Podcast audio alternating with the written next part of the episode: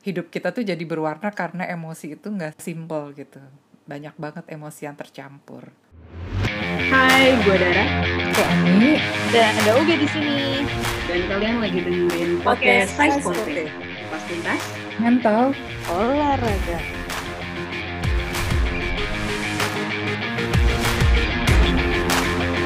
Hari ini mau bahas apa nih? Apa ya, Ge? Apa ya yang enak? Lo lagi gimana nih, Dar? Situasinya. kalau saat ini banget sih, to be honest, gue lagi kesel sih, G. Soalnya nih karena koronca, anjir. Gue daftar S2, terus masih tentatif sampai detik ini. Ya, aku kesel banget. Tapi udah tahu gimana solusinya tuh, Dar? Pasti kan masa nggak ada solusinya? Tahu sih, sebenarnya tinggal nunggu aja karena we- ya, kita nggak bisa ngelakuin apa-apa kan. Karena masih kesel kali ya waktu eh, waktu gue curhat sama temen juga cuma dibilangin sabar, malah makin kesel lagi gitu sih. Dan eh, padahal ya jelas banget solusinya adalah ya emang cuma bisa nunggu dan belajar gitu sih. Nah tapi itu bisa menarik sih dibahas karena ya juga ya bener juga mbak Ami kan sebenarnya aku udah tahu loh ininya eh, solusinya dari masalah yang aku hadepin cuma ya itu karena masih eh, bareng sama PMS juga sih sebenarnya jadi karena masih terkungkung sama emosi jadinya ya aku nggak belajar belajar malah ngeluh-ngeluh nggak jelas gitu Iya, jadinya kegulung ya istilahnya kegulung sama emosinya tuh. Nah, menarik juga nih belajar tentang gimana meregulasi emosi gitu. yes eh, regulasi ya sebenarnya regulasi Ntar, regulasi itu apa ya bahasa ininya bahasa gampangnya Ini ada istilah yang zaman sekarang bersahabat dengan emosi. Iya maka dari itu eh, sebenarnya lebih enak daripada kita ngelawan terus menurut kan capek nih. Jadi kita bersahabat dengan emosi kita. Jadi diregulasi itu maksudnya seperti bersahabat. Dan iya gue ngalamin sendiri sih sobi-sobi. Jadi ketika misalnya si emosi kesel ini ya kalau contohnya gue bener-bener tergulung gitu menggulung gue jadinya bener-bener nggak bisa ngapain. Dan flashback lagi waktu zaman gue main futsal kalau misalnya udah ketinggalan jadinya emosi dan marah sehingga apa tendangan gue nggak ada yang mengarah ke gawang Nah itu gue rasa sobat-sobat juga ngerasain sih ketika misal lagi tanding, ketika lagi latihan, terus misal teman-teman basket di trash talk gitu sama lawan lo, terus ya udah jadinya udah buyar tuh konsentrasi buyar, terus malah jadinya tergulung sama emosi marah atau misalnya eh, setelah kalah tanding jadi nangis-nangis mulu, padahal ya besok lo masih tanding. Dan ini gue rasa juga dialamin juga mungkin sama Mbak Ami atau UG kali ya, misalnya belum bisa ngelakuin hal-hal yang biasa dilakuin gitu mungkin UG belum bisa latihan di luar lagi atau Mbak Ami apalagi nih nggak bisa ke sungai ya Mbak ya Tapi nih, Dar, kenapa emang maksudnya kenapa sih gue atau lo atau Mbak Mi atau semua orang itu harus bersahabat gitu loh dengan emosinya? Emang emang penting ya? Emang maksudnya se- seharus itu ya kita bersahabat sama emosi kita sendiri?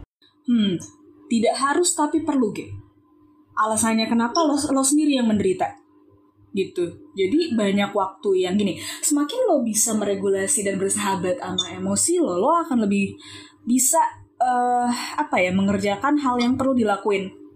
Dan jadinya juga tidak ter apa sih namanya tidak terkungkung di situ-situ aja. Gitu karena waktu terus berjalan dan ya itu menyiksa diri lo sendiri. Seperti itu Oke, berarti untuk ini juga ya, untuk diri sendiri juga ya sebenarnya ya? betul diri sendiri dan orang lain juga sih ya. Misal lo bayangin kalau setting kantor gitu lo lagi bete lo ke kantor ya lo kalau kalau tidak di tidak diregulasi dengan baik ya lo akan marah-marah ke anak kantor lo kan? Gitu. Jadi ya ma- makin lama tuh jadi nyebar ke satu tim jadinya juga eh, malah marah. Ini juga terjadi dengan tim yang kalau misalnya Mbak Ami gitu di rafting ya satu marah terus kalau yang lainnya tidak paham untuk regulasi emosi ya udah marah aja. Tuh sepanjang lagi di sungai ya saling gontok-gontokan. Seperti itu. Dan jatuhnya performa. Dan juga safety sih. Jadi nggak konsen jadinya. Gitu sih sobi-sobi. Makanya iya sih menarik untuk ngebahas regulasi emosi ini. Dan penting. Uh, aku nggak bisa bilang harus tapi perlu. Oke, jadi gini Dar, gue setuju banget sama lo. Mau ngebahas tentang emosi ini karena ya mungkin pas banget ya, pas banget momennya nih orang-orang nggak tahu mungkin karena udah kelamaan di rumah juga, jadinya tuh aduh aduh aduh aduh, jadinya tuh kayak agak susah gitu loh ya untuk untuk untuk ekspresif juga gitu. Kebiasaannya jadi berubah ya. Mungkin ini penting banget sih untuk kita bahas sekarang di sini. Nah, dari tadi nih lo ngomongin emosi-emosi nih. Mungkin sobat-sobat nganggapnya emosi ini adalah marah bukan sob. Jadi emosi yang lagi kita bahas ini adalah ya bahasa Inggrisnya nih emotion. Bukan emosional ya. Kalau emosional marah tuh. Betul, bukan emosional, bukan bukan emosi marah-marah tapi emotion. Nah, gara-gara tadi Dara udah ngebahas tentang kenapa sih pentingnya emosi ini, gue kemarin ini sempat baca nih Dar. Ada di satu buku nih, buku buku psikologi itu Dar. Jadi gue kasih tau dulu ya, emosi itu apa sih sebenarnya? Emosi atau emotion? Emosi itu adalah dia tuh sebuah keadaan atau perasaan yang kompleks yang menghasilkan perubahan fisik dan psikologis yang dapat mempengaruhi pikiran dan perilaku kita. Cakep nggak tuh bahasa gue? Ya, basically nangkep kan untuk emosi sendiri itu ya itu perasaan yang kompleks gitu yang akhirnya bisa ngasilin ngasilin perubahan behavior kita, bahkan bisa mempengaruhi pikiran kita juga kayak gitu. Jadi bener banget sih tadi kata lo kalau emosi emosi atau emotion itu tuh penting banget sebenarnya. Bedanya apa tuh sama mood? Kan orang-orang suka bilang aku lagi nggak mood gitu, bad mood. Cakep, pertanyaan bagus. Pasti sobi-sobi juga pada nanya kan kayak terus apa bedanya mood sama emotion? Jadi mood sama emotion ini kalau menurut buku yang gue baca tuh nama bukunya Atkinson and Hilgards itu yang judulnya Introduction to Psychology. Buku kojonya anak psikologi ya. Betul, betul, betul. Nah, ini kemarin gue juga bacanya sih yang di bab emotion. Jadi kalau menurut mereka, bedanya mood sama emosi itu tuh dibagi menjadi tiga. Apa cu? Apa cu? Kalau gue simpulin ya. Jadi ada dari durasi, sama ada dari proses, sama dari penyebabnya. Nah, kalau untuk durasinya sendiri, kalau mood itu biasanya tuh lebih lama. Jadi durasinya tuh bisa kayak berjam-jam, berhari-hari kayak gitu. Sedangkan kalau emosi itu durasinya sebentar, hitungan menit, hitungan detik kayak gitu. Nah, kalau yang kedua itu kan dibedain berdasarkan prosesnya nih. Nah, kalau mood itu itu biasanya cenderung hanya melibatkan pengalaman subjektif. Tapi kalau emosi itu melibatkan beberapa komponen emosinya sendiri bisa juga dari uh, komponen-komponennya itu misalnya uh, ekspresi muka kalian gitu. Atau enggak ada perubahan body language bahasa tubuh. Nah kurang lebih kayak gitu. Nah sama yang terakhir nih. Dibedainnya dari penyebab. Kalau penyebabnya sendiri kalau mood itu biasanya penyebabnya itu nggak ada penyebab yang jelas gitu. Kayak ya misalnya mungkin kalau kayak PMS gitu kan faktor hormon juga ya kayak kadang-kadang sekarang he -he, pindah lagi moodnya dari gue senang terus tiba-tiba gue kayak ah apa sih apa sih nggak jelas kayak gitu. Nah tapi kalau emosi itu ada penyebab yang jelas biasanya. Kayak tadi lo nih kayak lu emosi aja nih sebenarnya lu marah gitu tapi lu tahu juga sebenarnya gue harus Iya, ngapain iya. nextnya kayak gitu gue mau nanya deh biasanya kalau gue nanya ke eh, klien atau atlet gue mereka tuh nggak bisa banget nih untuk bedain emosi. Biasanya kalau gue tanya lo eh, kamu perasaannya hari ini gimana? Hmm, biasa aja. Nah terus hmm, maksudnya emang emang hari berapa sih? Maksudnya emosi itu emang sedatar itu ya? Atau gimana sih Ki? Kalau yang lo tahu yang dari buku yang lo baca mungkin atau dari mana gitu emosi itu eh, terbagi apa aja sih Ki? Nah, keren nih pertanyaannya. Orang tuh, menurut gue orang tuh harus bisa mengidentifikasikan eh, emosinya dia tuh lagi kayak apa sih sekarang. Kalian ada yang tahu gak sih film Inside Out? gue tahu gue tahu gue nonton dulu itu yang basicnya banget ya kayak yang digambarin di Inside Out ini Dia itu tuh bisa eh, ngasih lihat ke kita juga gimana prosesnya, dinamikanya para emotion-emotion yang di dalam tubuh kita ini, yang dalam kepala kita ini. Jadi kalau dari mereka sendiri sebenarnya emosi itu ada lima tuh. Mereka ada joy, ada fear, ada anger, ada disgust, sama ada sadness.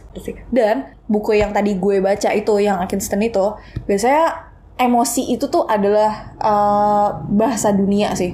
Jadi kayak kelihatan banget dari facial expression lo gitu misalnya dari muka lo. Kayak kalau lo lo ngomong oh enak kok enak. Tapi muka lo tuh kayak muka muka agak-agak jijik gitu. Nah itu tuh kelihatan tuh kayak ah nggak bisa bohong lo Iya di lapangan juga bisa gitu ya dilihatnya. Lihat aja dari muka-muka tampang-tampang teman-teman lo kalau ada yang mulai nunduk tuh kita bisa semangatin ya sebenarnya. Yes, betul. Sebenarnya bisa ngelihatnya juga dari situ sih kayak oh biasa aja, tapi lihat lagi biasa ajanya itu biasa aja bener-bener biasa aja atau kayak gimana kan kelihatan tuh biasanya dari bahasa tubuhnya kan. Misalnya biasa aja tapi nunduk, itu kan oh lagi sedih nih orang atau enggak "Eh, biasa aja kok. Nah, tapi ada suaranya tuh beda tuh. Mungkin dia lagi senang kayak gitu. Iya, bener. Jadi penting banget juga ya bisa membaca emosi orang gitu kan. Terutama dalam hubungan eh, orang lain ya. Pas, pasti dia kadang-kadang suka menyembunyikan emosinya tuh. Tapi sebenarnya emosi itu bisa kelihatan dari gesturnya dia.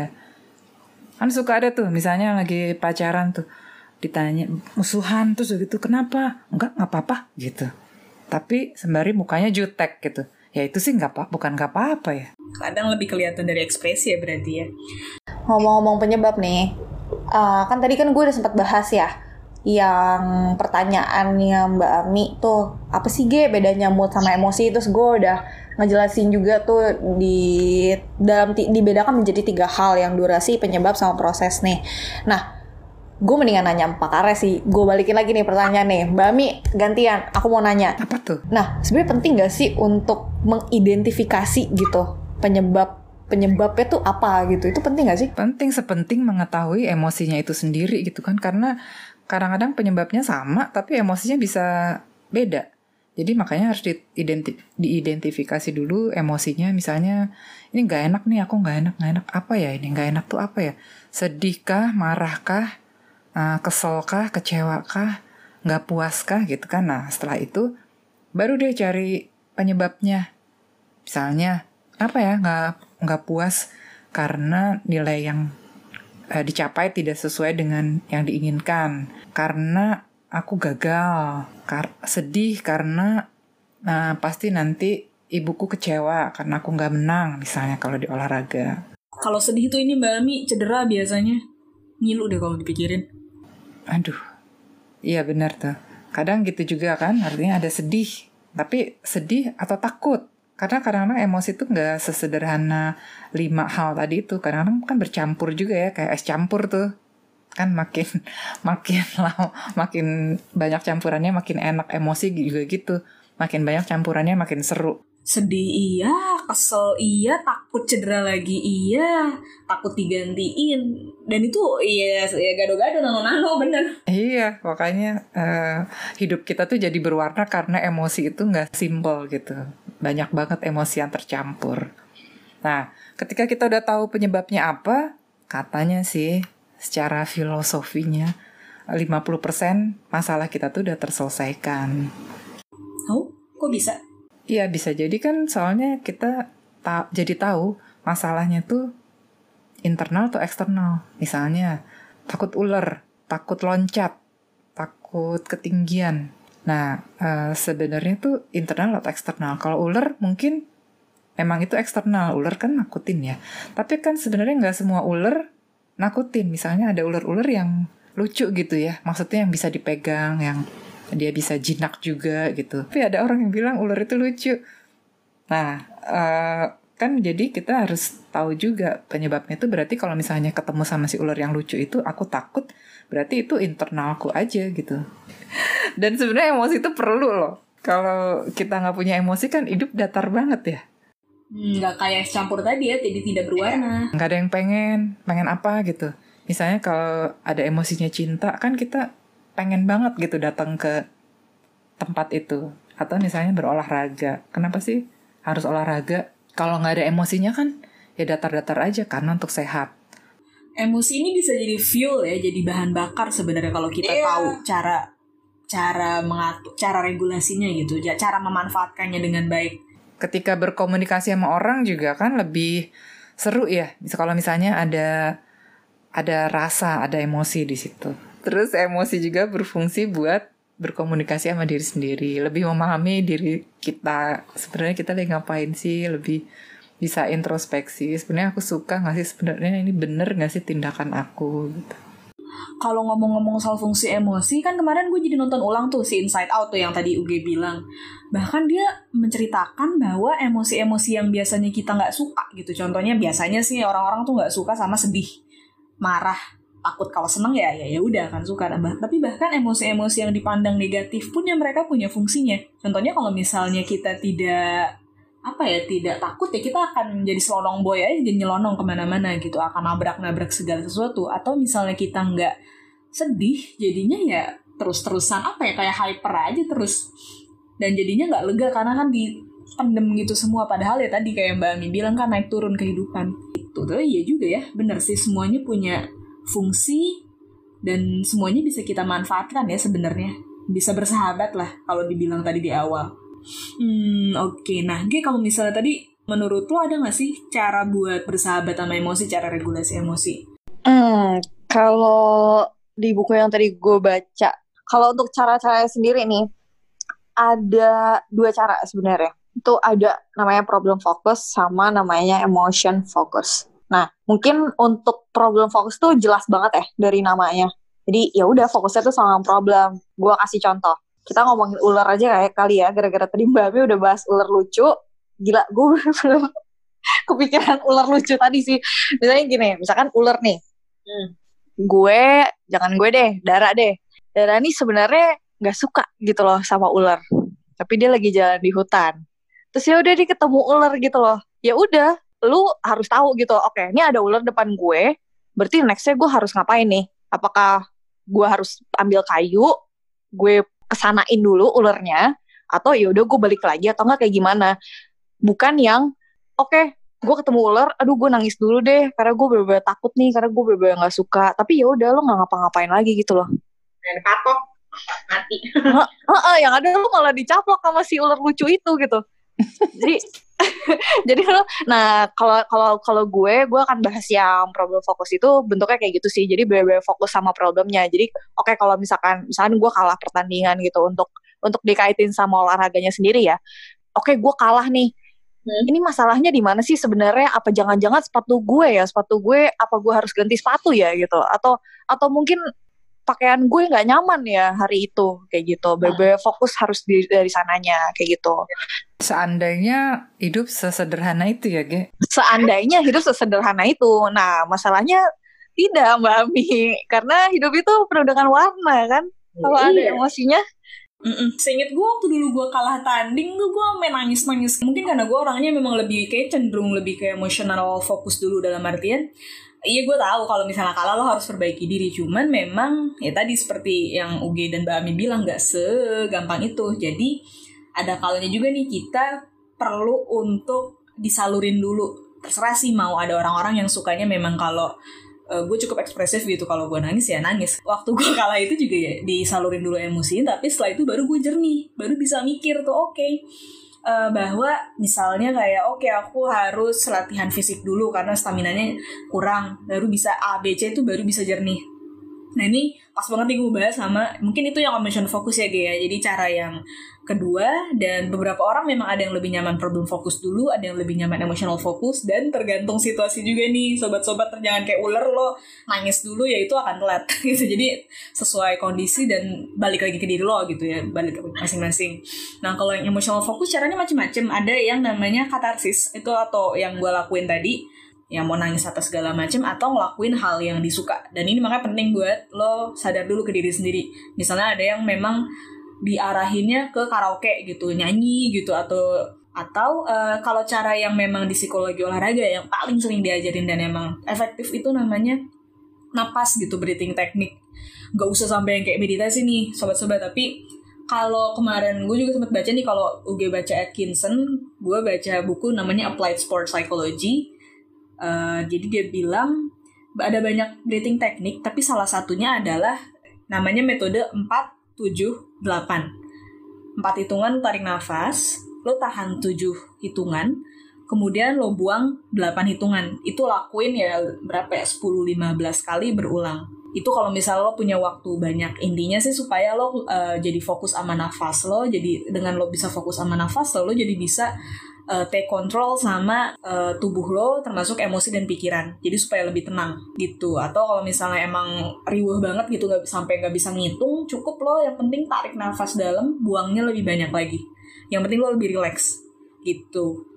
Ini ya berarti tergantung situasi juga ya Dar ya? Tuh ya kalau misalnya di uh, ular tadi gitu terus lo mau ngitung 478 ya telat juga gitu. Ini udah kebayang gak kayak empat ya, nyaplok duluan. Nah tapi kalau kita ngomongin soal kalau ngomongin soal uh, olahraga lagi misalnya anak basket gitu di pertengahan quarter tapi sebelumnya lo kena fall atau apa sedang jadi lo kesel.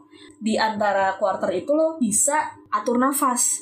Jadi yang tadi misalnya lo daripada marah-marah nggak jelas daripada jadi rungsing ya lo uh, duduk kemudian lo atur nafas lo atau lo minum aja. Tapi minumnya benar-benar nikmat dinikmatin dan seolah-olah kayak pencet tombol reset. Sesimpel itu sih sobi-sobi. Jadi uh, emotional emotional focus ini bukan ber eh, apa sih? Sorry emotional focus ini bisa dilakuin kapan aja dan berkata UG uh, disesuaikan sama situasi kondisi. Seperti itu.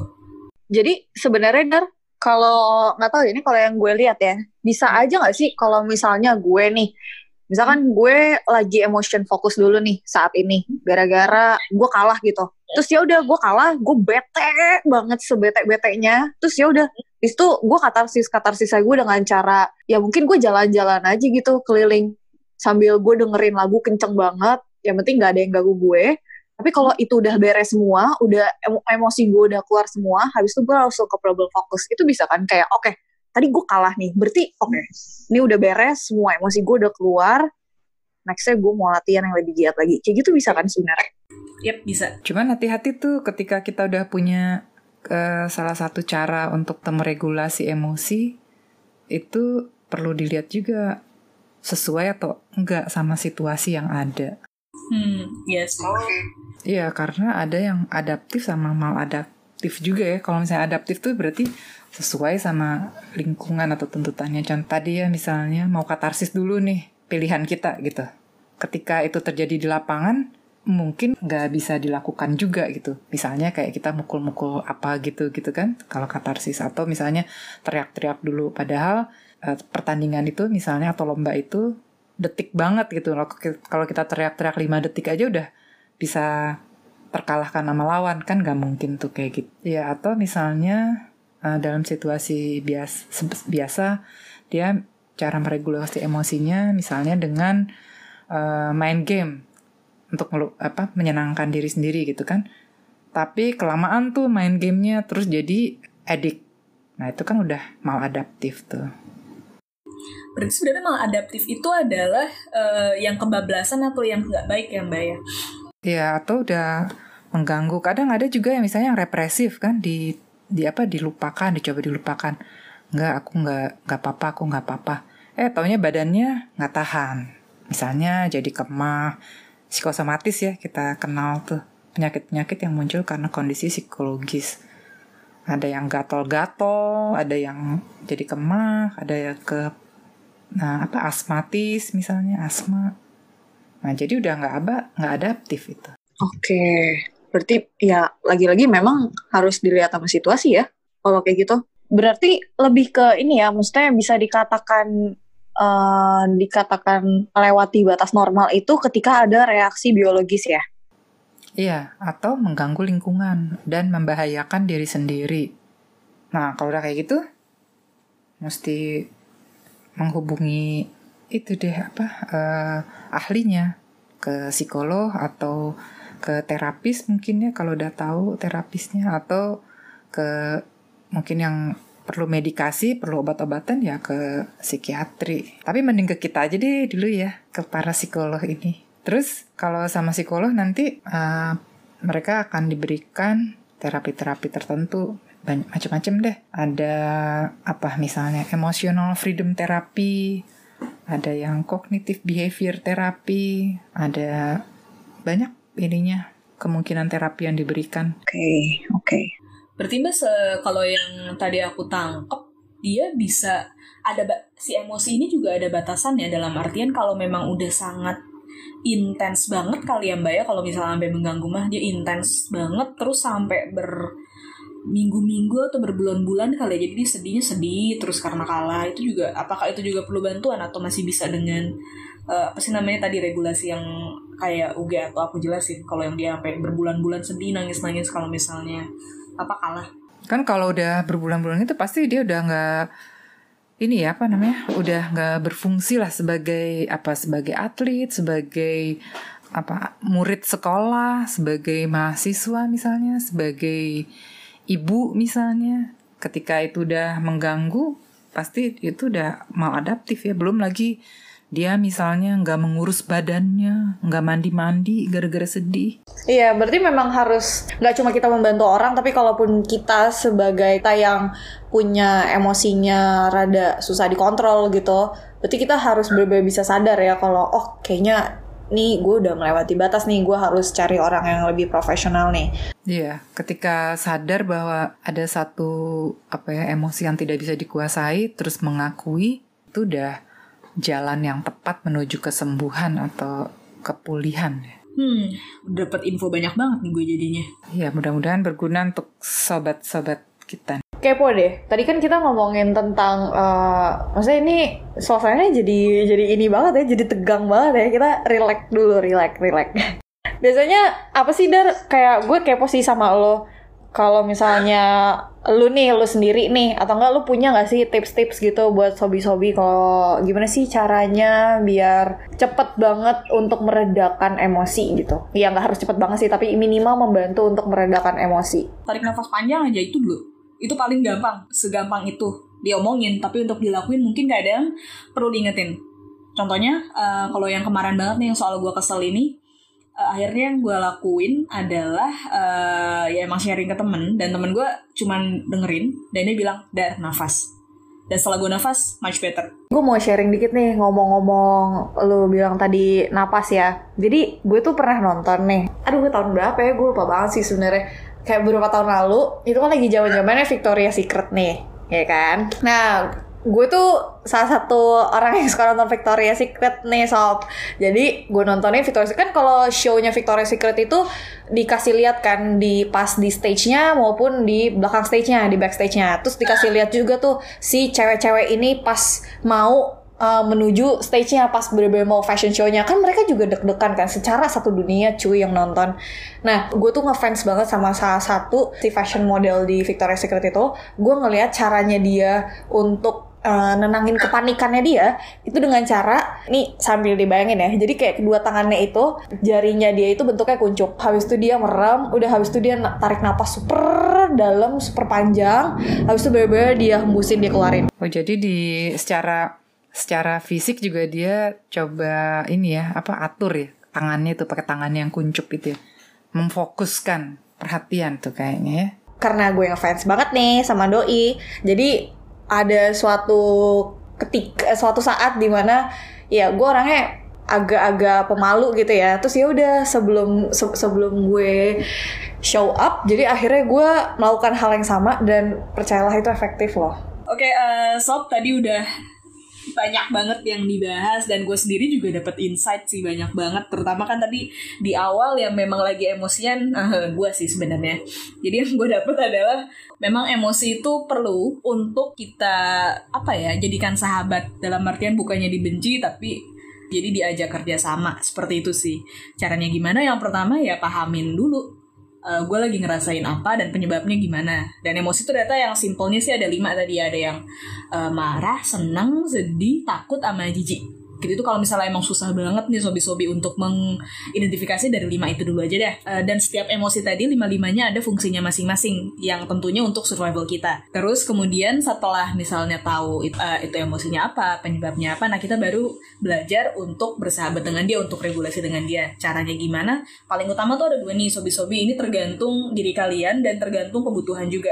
Yang pertama tuh ada namanya problem fokus nah yang kedua itu adalah emosinya dulu nih dikelarin emosinya dulu yang diajak bersahabat yang si emotional focus dan diingetin sama mami ternyata ada cara-cara yang adaptif dan maladaptif atau yang kurang tepat. Nah, kalau misalnya sobi-sobi udah terlalu intens dan mengganggu banget baik diri sendiri dan orang lain, ya itu perlu dikonsider tuh untuk ke professional mental health. Seperti itu sih sobi-sobi, but kalau misalnya tidak separah itu bisa ngelakuin first aid seperti yang tadi kita udah share. Jadi pengen tahu ya Dar, gimana sih cara sobat-sobat gerak kita uh, meregulasi emosinya sehari-hari, baik dalam pertandingan ataupun enggak nih. Nah, boleh dong bikin postingan atau cerita tentang cara kalian meregulasi emosi, terus tag deh IG saya Sporte kami, pasti kami repost.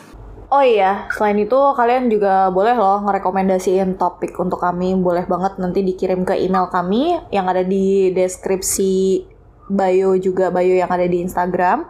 Atau kalau misalkan mager nih buka bio dan segala macam, boleh loh kalian langsung DM kami aja via Instagram. Oke, sebelum kami mengakhiri podcast ini, gue pengen sharing dulu sih tadi. Sharing sedikit lagi aja. Tadi itu uh, untuk buku-buku yang gue dan Dara baca itu ada Atkinson dan Hilgards itu judulnya Introduction to Psychology. Itu yang editionnya ke-15 sama ada buku judulnya itu Applied Sports Psychology itu yang nulis Gene Williams and Vicky Crane di tahun 2015. Nah, tadi kan gue udah sempat sharing nih tentang film Inside Out itu yang di tahun di tahun 2015. Kalian sop-sop wajib banget buat nonton itu karena itu keren banget. Oke? Dan terakhir jangan lupa untuk tetap gerak sob. Bye. Bye.